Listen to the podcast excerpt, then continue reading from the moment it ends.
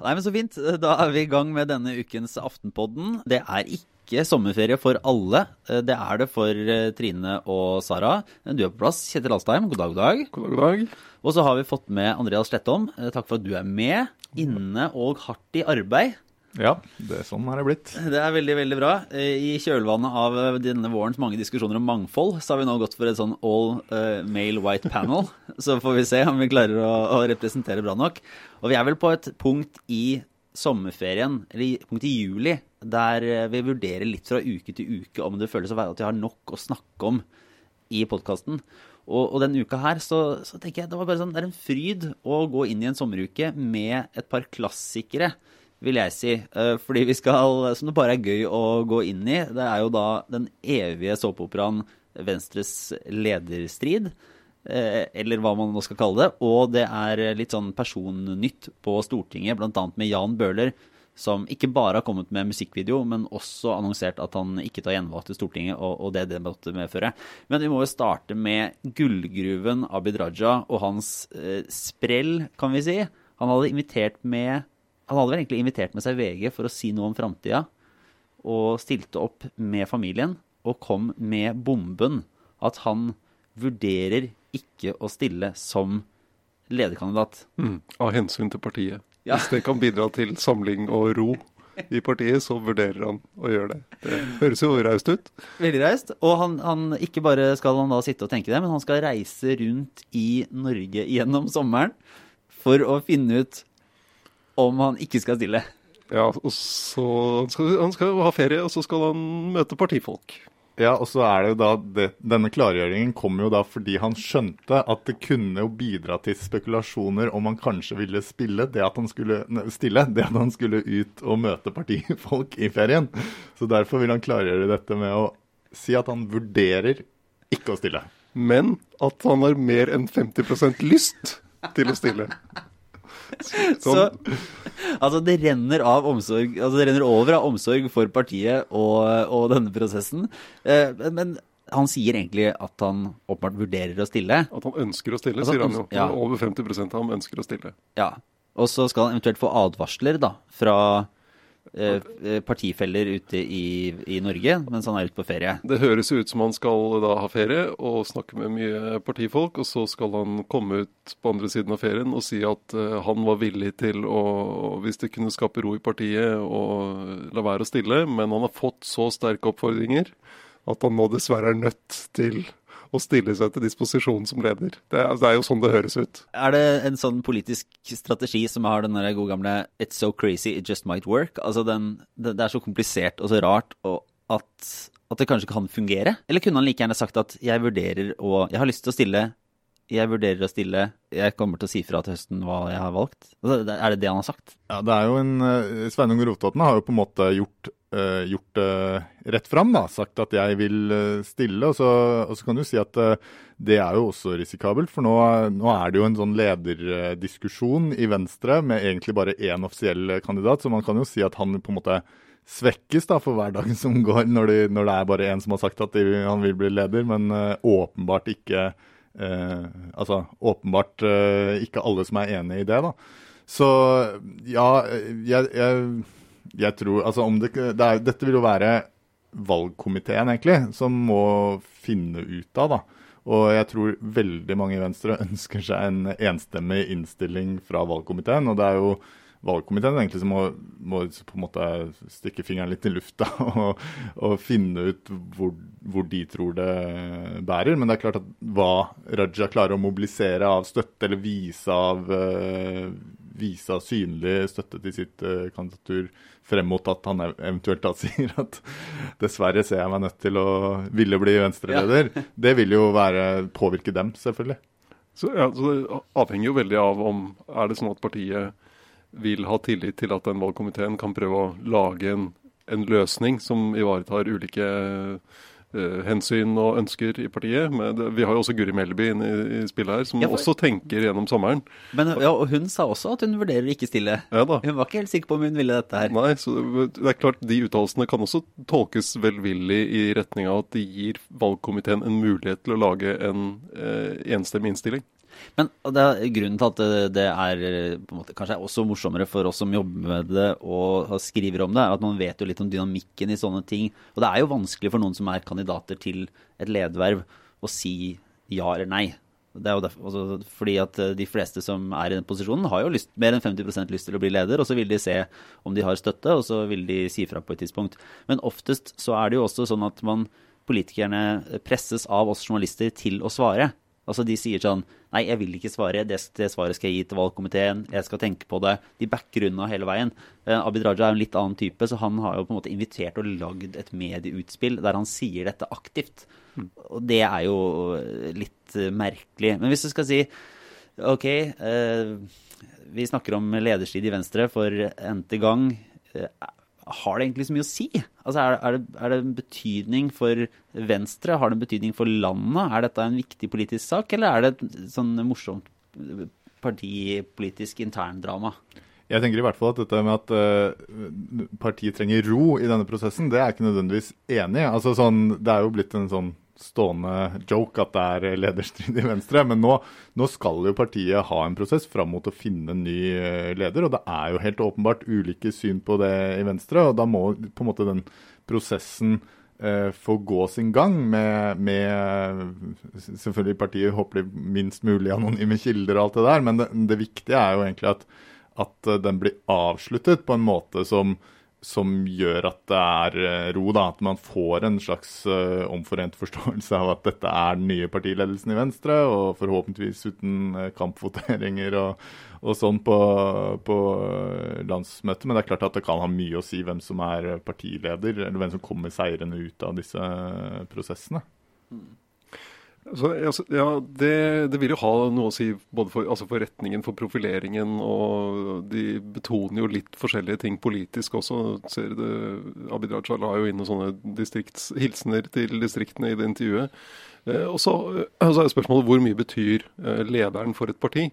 Og det, det av og til kan vi kanskje overvurdere det, for det handler jo om uh, hvor er det et parti plasserer seg politisk, og det handler om mer enn en, uh, akkurat frontfiguren. Og se, se, på, se, på, Erna Solberg, da. hun hadde jo en periode der uh, det var folk i, i, i, partiet som, som, mente at de kanskje burde finne en annen leder. Mm. Eh, og så kan du se på Senterpartiet, som lå nesten ned mot sperregrensen, og der partiet nå ligger på 14-15 Og det er klart, det valget av Trygve Slagsvold Vedum og hans, hvordan han har klart å samle partiet og profilere partiet utad, har jo hatt stor betydning for den suksessen som Senterpartiet har hatt etter at han ble valgt. Mm. Ja, for jeg tenker at Partilederen, altså den utad, den synligheten, er jo, er jo bare en en del av den jobben. Og det er nettopp det å klare å få partiet til å trekke i samme retning og, og som forstå sitt eget parti og forstå hvilke prosesser som er nødvendige og hvilke som er unødvendige, det er jo eh, en vel så viktig del av jobben. Og det eh, hvem som sitter da på toppen og tar de beslutningene og, og forstår, altså hvor godt man forstår eget parti, det tror jeg er veldig viktig for sånn hvilken dynamikk da, du, du skaper i, i, i, det partiet du, du leder. Sånn at uh, selv om Uh, selv om uh, noen partier kanskje har ledere som, som, utad kanskje ikke virker som de største skjermtrollene, ingen nevnt, ingen, ingen glemt, så, så, tror jeg at, at den effekten av partilederen er veldig stor på den interne sida. Mm. Men nå har, det, nå har, ikke jeg datoene helt i hodet, men det er jo ikke enormt god tid før dette da utsatte landsmøtet i Venstre skal være? 26. og 27. september ja. skal de ha det. Og det, det, er jo det at dette ble utsatt pga. koronaen, er jo et problem for, for Venstre. For de har jo nå en Eh, Trine Skei Grande er fortsatt eh, partileder. Hun uh, sa jo i omtrent samme dag som lockdown i mars at hun skulle gå av. Og så, og så har du hatt hele, hele den ja, koronasituasjonen. Vi har Politikken dras i gang igjen i august med partilederdebatt i, i Arendal. Og de har fortsatt en partileder som sitter på oppsigelse. Mm. Ja. Eh, men, ja, som man sier, og som vi har sagt uh, før, dette kommer vi garantert tilbake til. For det, det blir spennende å se hva Abid Raja har funnet ut da, på sin lille turné, og om det blir en, en, en skikkelig duell sånn inn i, inn i den landsmøteoppvarminga. Men vi får nesten snakke om en annen joker i norsk politikk, som ikke bare slapp en vidunderlig sommerlåt, Jan Bøhler fra, fra Oslo og Arbeiderpartiet. Eh, han har jo Jeg tror jeg har andre favoritter, hvis jeg, hvis jeg skal kalle det, av Jan Bøhlers uh, låter enn den siste. Jeg syns ikke det var hans sterkeste, men, eh, men altså, den, uh, vi er åpen for uenighet her, ja, er vi ikke det? Har du, du, har fått sett den, Andreas? Du, jeg har faktisk ikke, jeg har ikke prioritert uh, den. Men jeg har fått med meg en del av tidligere produksjoner. Da kan jeg Altså, hvis på et tidspunkt så dukker Jan Bøhlers ansikt opp både i en sommersol og i en avokadostein. Og ikke minst eh, som et jordbær i ja. en, en tallerken med jordbær og fløte. Så produksjonsnivået er tatt til nye høyder, og eh, det musikalske potensielt til nye dybder, hvis jeg skulle tillatt meg å komme med litt anmelderi. Men det er altså Åh, det er gøy, og alle må det, må det må bare ses. Men som Jan Bøhler sa i et intervju, han tenkte han skulle ha sommerferie, slippe sommerlåten, eh, legge seg i hengekøya. Og så eh, ble det altså Du kom det for en dag, da, sier han, at det murres eller ryktes eller finnes anonyme kilder som ville utfordre ham eller på et eller annet vis sverte ham. da. Eh, og dermed så bestemte han seg for å si at han ikke tar gjenvalg til Stortinget neste høst, og, og syntes jo det var trist. Og apropos sånn både regisserte politiske utspill, så, som er litt rare, så er jo dette en litt sånn forunderlig sak, Andreas?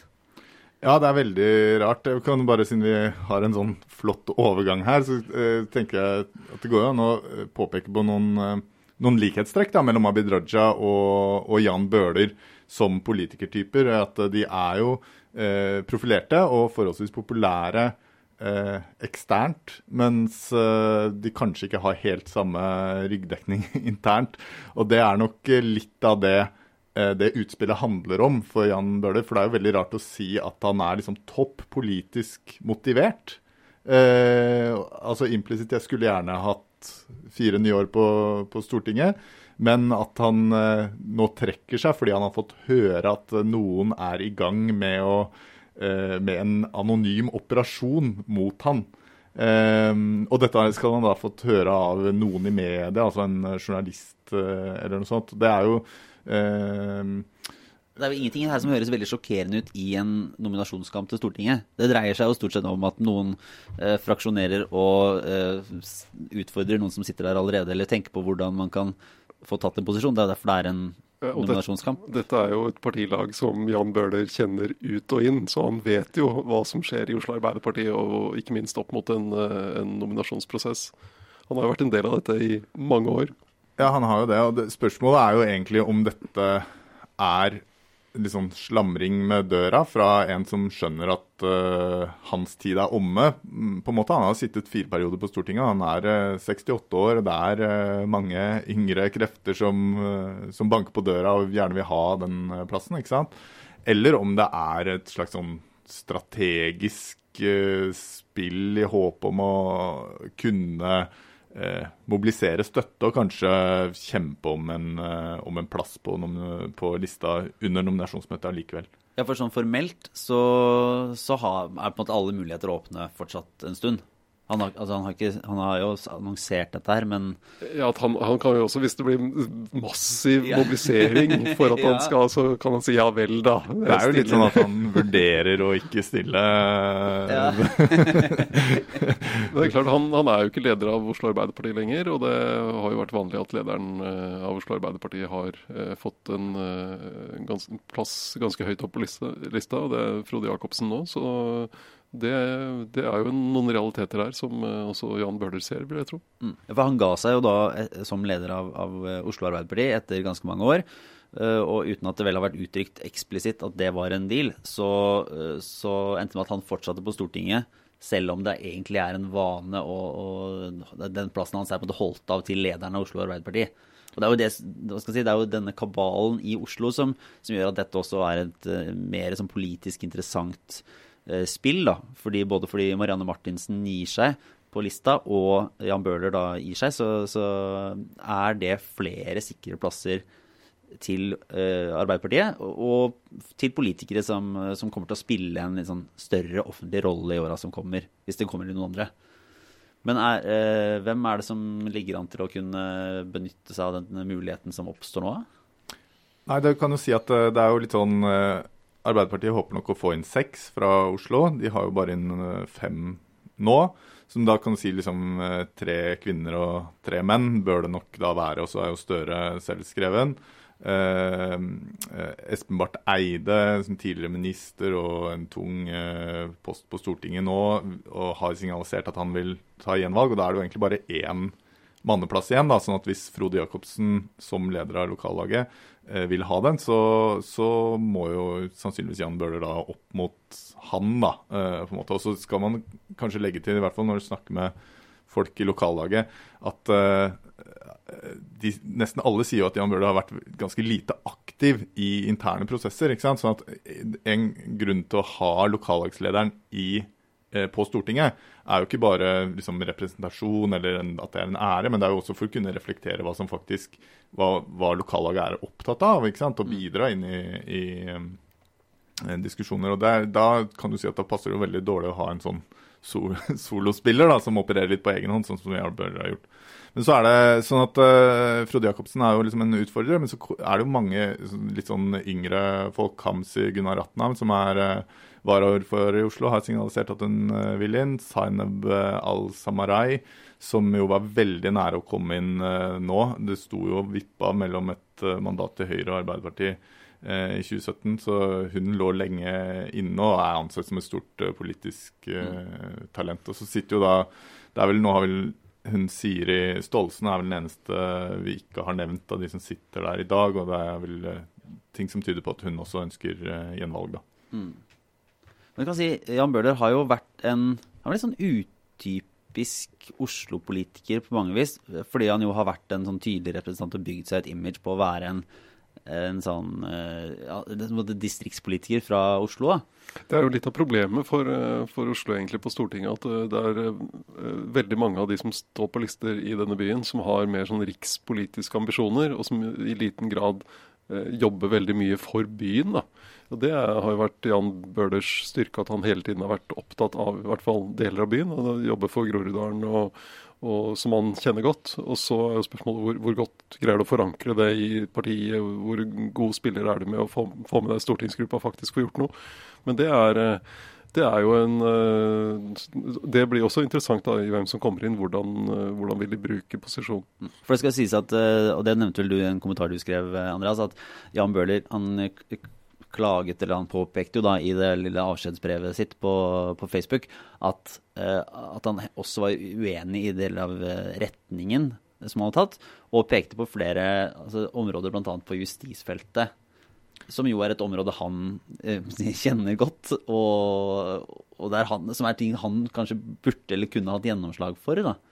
Ja, altså jeg har ikke, Han har jo vært den som har frontet Han er vel såkalt storbypolitisk talsmann også i, i, Arbeiderpartiet, og har jo frontet mange av disse sakene. Og jeg har ikke oppfattet at det er veldig stor misnøye med mange av de forslagene som han har kommet, Oslo kommet med i Oslo Arbeiderparti.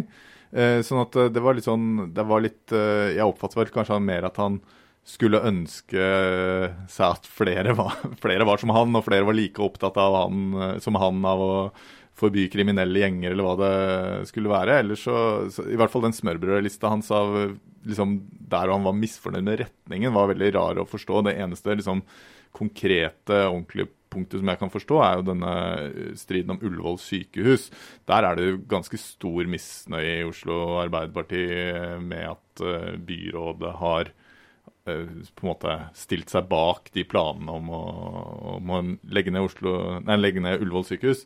Eh, men, men, å liksom gi seg på Stortinget av den grunn framstår jo litt, eh, litt rart. Mm. Ja. Nei, men eh, Vi får jo se på det. Eh, runde av sånn sett med en eh, annen varslet avgang. For Jon Georg Dale, som jo har vært sett på som en mulig kronprins i Fremskrittspartiet, sa at han heller har lyst til å gå inn i næringslivet neste høst. Føler seg for nå Han varsla vel et mulig comeback inn i framtida på et tidspunkt også, men nå, var, nå vil han gjøre noe annet. Og det jeg vet ikke, det inn i Fremskrittspartiet som der det kjempes litt for den framtidige profilen og, og, veien videre, så er det en interessant manøver. Mm, det det, Og, Hvordan tolker du det, Kjetil? Eh, nei, altså, han, i det, det, han har sagt, så ligger det jo ingen sånn eh, opp, At han tenker på det, eller eh, Han appellerer ikke etter en mobilisering for at han skal bli. Det er et valg han har tatt. Så det men det er interessant, fordi han er jo en av de, de styringsorienterte da, i Fremskrittspartiet. En av de som, som vil ha makt og vil gjennomføre politikk. Uh, og det som er sannsynlig i, da, i Møre og Romsdal, som han er innvalgt fra, er at uh, det er fylkesleder Frank Sve er en veldig aktuell kandidat da, som nummer to. Det er Sylvi Listhaug som er nummer én. Og Frank Sve er jo en, regnet som en sterk alliert av Sylvi Listhaug. Uh, så det vil jo bli en, uh, en støttesp sterk støttespiller for henne. så det er liksom spørsmål om hvordan, hvilken, hvordan blir dette laget til Fremskrittspartiet på Stortinget etter neste valg. Og da har du jo en annen som har meldt seg igjen, Ketil Solvik-Olsen, som sier han, han, er interessert i å, komme tilbake på Stortinget. Eh, han har vært ute fordi han, han eh, fulgte med familien eh, til USA en periode. Og han er jo også i den, den styringsorienterte fløyen, de som vil inngå kompromisser og lage politikk, og ikke er så opptatt av, av de mer sånn markeringssakene og, FN-pins og, og, sånt noe. Så det, det, er, det, er, litt tidlig å gjøre opp på en måte regnskap her. da. Og det, også denne runden i Oslo har, har vi jo vært innom før. Med, med, ja, den kampen om Om Siv Jensen skulle ja. stå på topp eller ikke, det er jo ganske hardt slått ned. akkurat det ja, der. Bare for å uh, runde av den, så har hun jo ja, for det Hun tar innvalg, og det ble jo et enstemmig vedtak vel i Styre. i styret i Oslo Frp om at man skulle støtte henne. Så det, det lille forsøket på hva det måtte være, det fungerte ikke som et kupp, i hvert fall. Men eh, ja, bare han eh, godeste Frank Sve syns jeg for være en artig politisk karakter i Fremskrittspartiet. Det var en runde nå i Aftenposten på hva, hva Frp bør gjøre, der, der, vi har spurt litt rundt omkring og, og snakket med mange. Og da var Frank Sve en av de som mente at han må bytte ut eh, dressen med grilldressen. Han vil ha mer grilldress i Frp. Og, og det, er en, det, er jo en, retning. Og han tok jo en kamp ved, før forrige stortingsvalg for å komme inn på lista sjøl. Mm. Så der er det jo en del spenninger i et partifylkeslag som er, er ganske sterkt. Og han Frank Sve han, han eh, er villig til å ta en politisk fight. Men jeg syns det er rart hvis Jon Georg Dale lot, altså, hvis parti det, det, tyder jo på at Arne han blir jo i hvert fall ikke den umiddelbare etterfølgeren etter Siv Jensen. Nei, det er jo uaktuelt nå. nå hvis du altså, I denne omgang så er det det å ikke sitte på Stortinget, da, da har du meldt deg ut av, mm. av den, den, kampen. Og så er det jo liksom Fremskrittspartiet altså Mange av de andre som nå har trukket seg, Torbjørn Røe Isaksen, og sånn, de sier jo implisitt at det er gøy å være minister, liksom. og kan, Man kan jo være statsråd, men det ser jo ikke det, I hvert fall de signalene som kommer fra Fremskrittspartiet, er jo ganske tydelige, syns jeg, fra Siv Jensen og sånn, på at uh, de er ferdige med å sitte i regjering for en stund. Så det er klart at når Jon Georg Dale da takker nei til gjenvalg for Stortinget, så, så, uh, så er han jo uh, sannsynligvis ute av rikspolitikken, i motsetning til en del i Høyre og sånn som eller for den saks skyld Marianne Martinsen, da, som, vi, som jo har uh, snakket ut uh, denne uken om, uh, om Giske og sånn. Hun er jo ikke helt usannsynlig å se for seg som statsråd, selv om hun har takket nei til, til stortingsrenominasjon. Mm.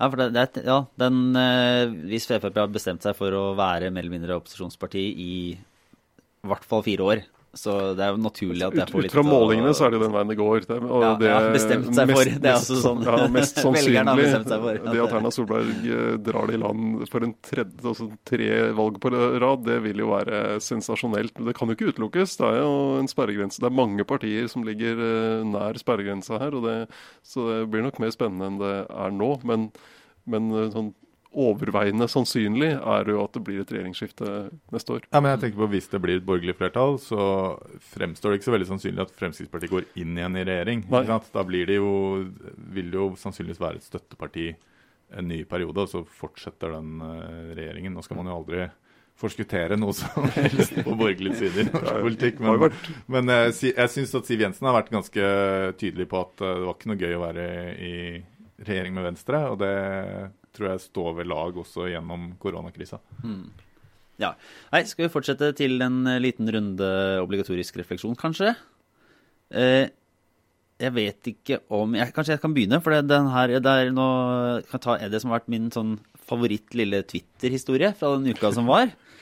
Der det dukka opp fordi du var jo i Dagsnytt 18 i, i, i diskusjon med, med politisk redaktør Skjalg Fjellheim fra Nordlys. den store joikakakedebatten. Ja, den store joikakakedebatten. Eh, og den debatten er nå den er nå sin Den har gått, og vil anbefale folk å lese og for all del eh, se, se opptak og alt mulig rart. Men i etterkant av det så kom det en veldig fin liten melding på Twitter der eh, en bruker hun kan få lov til å være anonym eh, så lenge, som skriver har hørt på Kjetil Alstheim fra Aftenposten i Aftenpodden i flere måneder. Trodde han var en blond, litt glatt vestkantgutt på typ 29 år.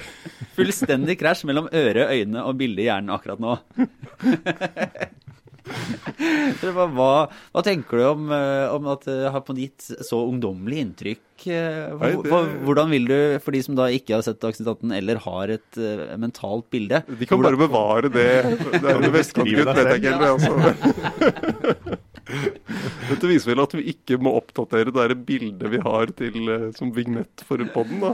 Ja, ja nei, det, det er bare å holde på. For du er ikke 29 år eh, Jeg er ikke 29 år lenger. Nei, jeg er ikke det, altså. Eh, Jeg hadde, eh, altså med vestkantgutt, jeg hadde jo en del år i ungdommen i Asker. Så det er jo vest for Oslo, da. Så Ja. Eh, nei, så måtte, måtte, måtte finne ut at det, det ikke stemte, men jeg likte nå i hvert fall det mentale bildet. Og så, så, jeg, da, så jeg, jeg lurer på hva som fått eh, ryddet opp i den. Hvis det var en utbredt misforståelse, så er det nå avklart. Ja. Eh, er det med deg, Andreas? Har du noe, har du tenk, tenker du på noe lurt om dagen? Eh, nei, ikke i det hele tatt. Sånn at jeg eh, når, eh, Jeg tenkte jeg skulle kjøre en sånn eh, da jeg var på vei til kirken i dag-variant. med, med liksom sånn da jeg syklet på elsykkelen min innafor Ring 2 på vei til uh, jobben her. Det er som en slags senterpartisk mareritt, Ja, faktisk. absolutt. Men jeg hadde ikke lakksko og, og dress da, riktignok. Men uh, forbi Brugata der, som er uh, det nye samlingsstedet for uh, la oss si byens løse fugler, så, så var det ikke bare fugler, for å si det sånn. Men det var jo disse politihestene. Eh, rytterkorpset, Politiets rytterkorps sto liksom der og holdt på å deale med, med dette russmiljøet og noe greier. Da bare tenkte jeg på at eh, det har irritert meg så mange ganger. De der, eh, jeg er ikke så veldig glad i hester i utgangspunktet. Og hvorfor, hvorfor skal vi ha politihester? Hva er, det, hva er det de bidrar med? De driter ned gatene, og så går de foran i 17. mai-toget, vel. Og så, men, men det må jo være utrolig lite hensiktsmessig å holde seg med, med politihester, tenker jeg. Det, og, og de pengene kan nok være bedre brukt til å bemanne lik- jeg, jeg, jeg, liker, jeg ligger på en måte jeg, jeg følger jo undringen, da. For det er ikke så lett helt å, å se dem i bruk. Altså, Det er jo et høyt sted for politifolk å sitte og se, men det er jo veldig sjelden. Jeg har aldri sett noen Du ser jo av og til biler i utrykning som kjører fort gjennom gatene. Du har aldri sett eh, de hestene faktisk Ja, være på jeg. Har du det? Ja, ja, men det, det var jo fordi man brukte politihestene på en litt annen måte tidligere. Eh, på slutten av 80-tallet, eller 80-tallet når det var mye sånn eh, oppgjør med blits og demonstrasjoner og sånn, så red de jo inn i, i folkemassen. Uh, og det har de jo, de, Politiet har jo andre forholder seg på en annen Ja, måte nå ja. til uh, sånne uh, mengder, folk, folkemengder, men da gjorde de jo det. Så det, du kan si politihesten har fått litt mindre å gjøre fordi man slutter å ri inn Ri ned demonstranter. Men var det, det var egentlig den økonomiske Den, den, den framstår litt sånn litt rart. Jeg aner ikke hvor dyrt det er. Men, Nei, det koster mye. Hest er dyrt. ja. Det er Men jeg jeg- Alpint og ridning er det Men dyreste. de har jo da, Oslo-politiet har jo da alt fra hest til drone. Så det er sånn, de har liksom all teknologi. Men jeg kom på at jeg faktisk har eh, benyttet meg av disse politihestene en gang selv. Og det var eh, Jeg hadde tre måneder eh, som kommunikasjonsrådgiver eh, i min karriere. Hvor jeg bl.a. skulle pushe Justin Bieber-filmen. Uh, og var med å arrangere en Justin Bieber-parade for at han skulle komme til Norge. Ned fra, fra foran Stortinget og ned hele Karl Johan. Og da surra det noen politihester rundt der, for de hadde akkurat geleidet uh, tror det liksom Oslo Jazzfestival eller noe sånt, opp Karl Johan. Så da spurte jeg om de ikke kunne gå foran i Justin Bieber-paraden. Og det hadde de tid til, da. Åpenbart. Og der, det så mye å gjøre. det mener jeg, det er, det, er, det er faktisk bekreftelsen på ditt poeng. Det her, det er bare pryd. Ja, ikke sant? Når de kan eh, på sparket ta, seg, ta på seg en Justin Bieber-parade. Så ja, nei, få de vekk. Men det er jo mer nærpoliti med politi på hest enn en politi, altså dro, politidrone. Det er jo ikke så, føles jo ikke så nært. Men kan du ikke, Hvor er du blitt av sykkelpolitiet etter den derre ja. ja. Ja, er det slutt på sykkelpoliti? Jeg vet ikke, jeg ser nei, aldri noe Nei, det, det, det er sjelden. Det, ja, den, Det er jo enda nærmere enn enda- hest, tenker ja. jeg på. Eller nå, nå får vi Det har jo Sparkesykkelpolitiet. Sparkesykkelpolitiet. Det har jo virkelig det har eksplodert etter at eh, Sara gikk ut mot eh, Bergen sist. Så vi skal være forsiktige med å gå videre inn i eh, el-løpehjul-debatten. Eh, så eh, ja, vi, får, vi legger ned hestepatruljen, og så lar vi det være med det. Eh, Åssen er det med deg, Kjetil? Eh, nei, jeg syns jo eh, Det er jo Vi venter på nye reiseråd og altså, og du ser rundt i verden så får du sånn smitteoppblomstringer i land som de har begynt å åpne og sånt. Og, og, og så hadde vi et intervju i Aftenposten med Trygve Slagsvold Vedum, Senterpartilederen, om eh, der han mener det er inkonsekvent, og hvorfor kan folk gå på pub i Oslo når, når man ikke kan spille barne- og ungdomsfotball i deler av landet der det omtrent ikke er smitte. Og det han, han har jo et poeng her. Det, er, eh, det blir jo ikke helt konsekvent, fordi de, de prøver å ha felles regler for hele landet. eh, og, og smittesituasjonen er veldig ulik. Så det, det er jo Samtidig er det litt sånn vanskelig hvordan, hvordan håndterer du det hvis det blir veldig ulike regler. Eh, og så, så er det jo i den retningen det går. At vi, du får ikke Det er jo det myndighetene også sier. Det kommer ikke en ny total lockdown i landet. Det vil slås ned på sånne enkelttilfeller. Eh, og der har vi jo et eksempel i Storbritannia med Leicester. Noen av de som er interessert i fotball, sikkert har et forhold til. Men der har de Leicester, bare for å De som bare har sett det skrevet. Ja. ja, eh, Der de jo har en lokal lockdown bestemt av regjeringen. Og der du har et nøy, nøye tegnet opp kart som viser akkurat hvilke gater som er For, liksom det er ikke, ytter... for det er ikke hele byen engang. Ja, det, er, det er mye av byen, øh, og, men du har liksom tegna opp nøyaktig hvem som er innenfor og hvem som er utenfor. Og så er det da problemer, rapporteres det, om pubene som er rett utenfor denne lockdown-sonen. øh, der det jo kommer folk. Øh, Så noen av pubene har begynt å kreve å, å ha sånn identitetssjekk da, for å sjekke om dette er folk som har rømt fra Fra, lockdown-sonen. fra internatet, Ja. jeg. Fra Så det er ikke lett det heller, altså. Men øh, det er jo det er, det er jo det de vil forsøke, å liksom slå ned uh, ut, uten nye utbrudd der de skjer. og prøve Men, men det, var det, ikke, isolere det var jo egentlig sagt, eh, som du sa, altså regjeringa sa at det nå kom til å innføre mer lokale variasjoner basert på Men, men foreløpig så har vel det er vel ikke egentlig Men det er jo ganske ganske lill- Det er jo lite smitte, overalt, da, men, men, eh, men det virker som Er det nå bare hvis det kommer lokale utbrudd, så vil det være Det er der den der lokale justeringa skjer, da. Den skjer ikke i, i åpninga så mye som i eventuell ny lukking. Ja, det er sånn, ja, det er sånn og det er jo for så vidt da, da Vedums poeng at man burde ha ulikt, åpne for ulikt tempo i åpningen.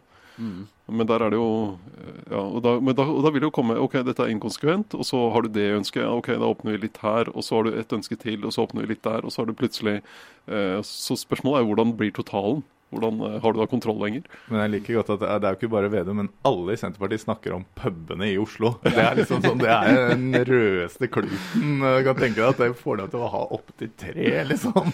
Nei, det, da, da kan alt annet åpne eh, liksom, før det. Ja, men jeg, jeg syns jo sånn eh, Hva skal jeg si? av argumenter som jeg kan forstå at slår an, så er jo den derre Det skal sitte masse uh, unge folk å drikke til langt på natt i Oslo, og så skal ikke, uh, så skal ikke folk få lov til å spille ball i Ja. en, det, det, det henger jo ikke sammen. Nei, altså, det, er jo, det- er jo ikke logisk sånn Nei, ikke at man må forstå det for seg selv, Ja. den, det argumentet. Mm. Ja, ja. Eh, det var vel egentlig det vi har. Jo, nå skal jeg si en annen liten ting. Vi har funnet på noe nytt. Vi har funnet på noe nytt. Eh, nest- Bortsett fra å ha all male panel. Fordi uh, vi har en eh, Vi, vi har lagd en sommerspesial eh, av, av podden, som kommer da enten neste uke eller uka etter. Det kommer litt an på hvor mye, mange nyheter som skjer eh, til uka, og hvor arbeidsomme vi er. Men det er faktisk en slags boksirkel, vil vi kalle det? Boksirkel, rett og slett. Ja, Med ullpledd og tekopper og og i det hele tatt. Så da har vi da, ja, da har vi lest eh, boka som heter altså 'Between the World and Me' av Tanahasi Coates. Den heter vel, og det har vel også en norsk oversettelse, som da altså er 'Mellom verden og meg', hvis jeg ikke tar helt feil. Men eh, den kan jo folk, hvis de skulle den Det er jo en bok som vi absolutt anbefaler. Og den er ganske kort. Og den er ganske kort. Så dersom noen skulle ha interesse av det, så er det en, en genuin bokanbefaling for sommeren. Og så tror jeg og håper jo at vår diskusjon om den kommer til å gi mening også for de som ikke har lest boka. Men eh, det er jo selvfølgelig mulig å involvere seg i eh, boksirkelen ved å lese boka først, og så høre hva vi har å si, og eventuelt være helt uenig eller, eller komme med innspill i etterkant. Så det kan, det kan jo anbefales. Så jeg skriver ned Du kan se under episoden her, så skal jeg skrive navnet på boka også, så du slipper å høre mange ganger for å få med deg akkurat hva den het. Men eh, tusen takk, Andreas, for at eh, du kunne være med oss i dag. Eh, takk, Kjetil, for at du fortsetter å være en arbeidsom redaktør som eh, holder ut gjennom sommeren. Eh, og takk til alle dere som hører på. Og så er vi tilbake på et eller annet vis også neste uke. Ha det bra.